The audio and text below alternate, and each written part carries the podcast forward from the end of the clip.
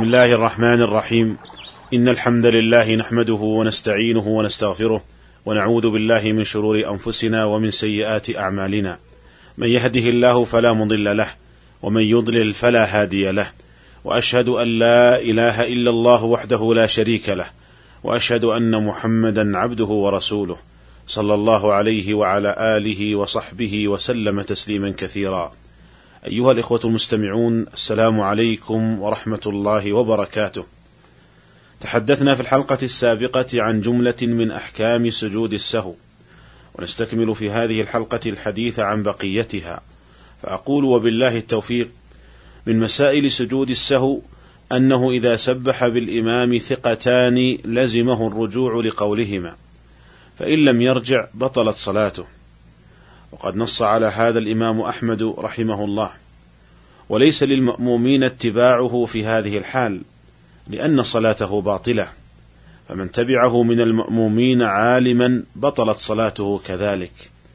لكن إن تبع الإمام جاهلا أو أنه فارقه وسلم صحت صلاته. وهذا كله ما لم يجزم الإمام بصواب نفسه فإن جزم بصواب نفسه لم يرجع لقول من سبح سواء كان اثنين أو أكثر لأنه يعلم خطأهم فلا يتبعهم على الخطأ. والأصل في هذا حديث أبي هريرة رضي الله عنه في قصة ذي اليدين فإنه صلى الله عليه وسلم لما ذكره ذو اليدين بالسهو لم يرجع إلى قوله حتى سأل الصحابة أحق ما يقول ذو اليدين؟ قالوا نعم. قال الموفق بن قدامة رحمه الله فإن سبح به واحد لم يرجع إلى قوله إلا أن يغلب على ظنه صدقه فيعمل بغلبة ظنه لا بتسبيحه لأن النبي صلى الله عليه وسلم لم يرجع إلى قول ذي اليدين وحده. انتهى كلامه رحمه الله ويفهم من كلامه أنه إذا سبح به ثقة لا يلزمه الرجوع لأن النبي صلى الله عليه وسلم لم يرجع لقول ذي اليدين مع ثقته وعدالته ولكن للإمام الرجوع لتسبيح الواحد إذا غلب على ظنه صدقه فإن الإمام قد يكون أحيانا مترددا أو شاكا في السهو فإذا سبح به واحد تقوى عنده هذا الشك أو التردد حتى يصبح غلبة ظن وحينئذ يعمل بغلبة ظنه لا بتسبيح الواحد. ولو سبح به رجل بما يدل على أن الإمام قد زاد وسبح به آخر بما يدل على أنه لم يزد. فهنا قد تعارض تسبيح اثنين من المأمومين. فما الحكم في هذه المسألة؟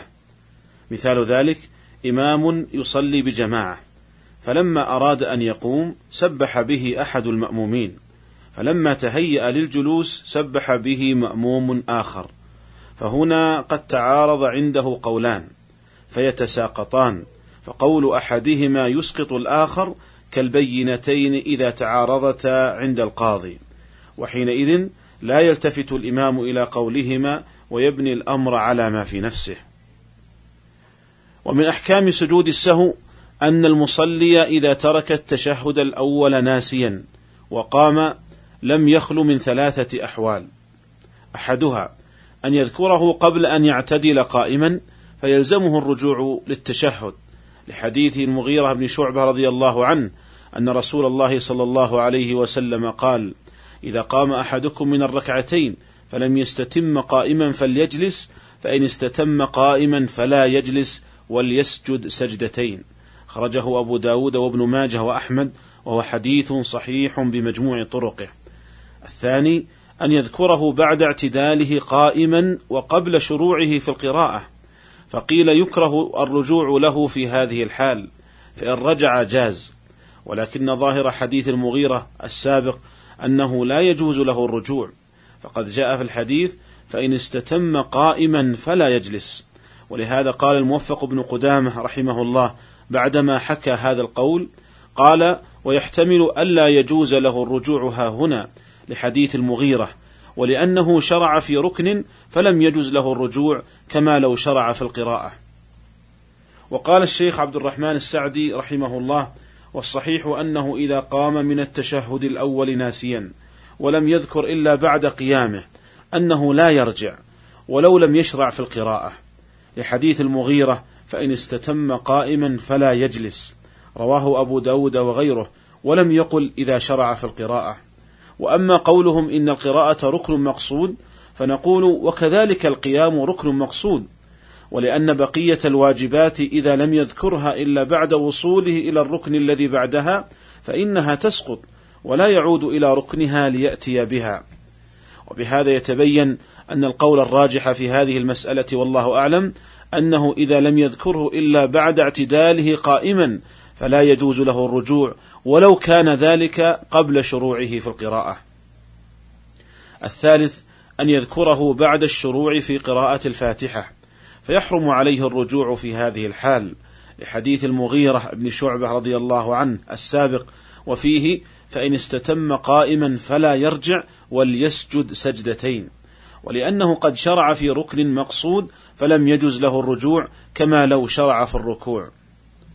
والحاصل أيها الإخوة الحاصل في هذه المسألة أن من قام من الركعتين ناسيا التشهد الأول فإن لم يستتم قائما لزمه الرجوع وإن استتم قائما فإن لم يشرع في قراءة الفاتحة فقيل يكره له الرجوع وقيل يحرم وهو الأقرب.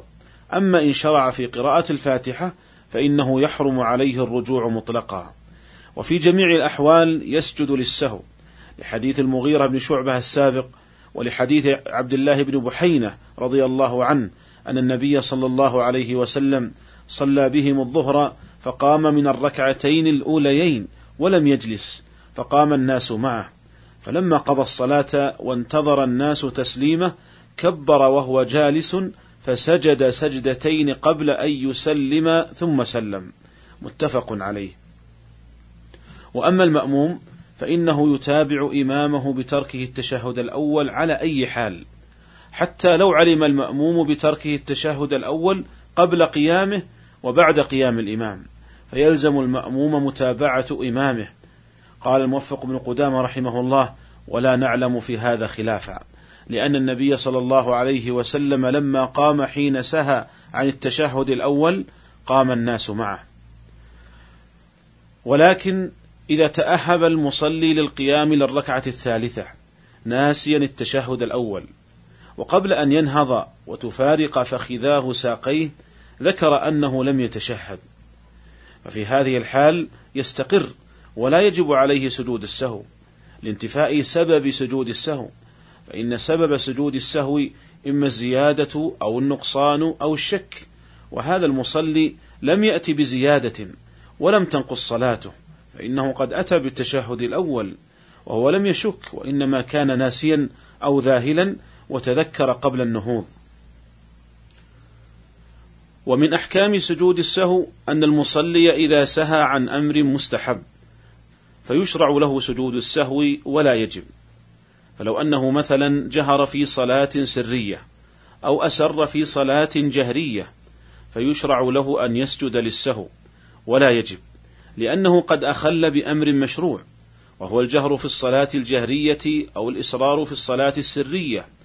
ولا يجب سجود السهو في هذه الحال لأنه لم يترك أمرا واجبا عليه.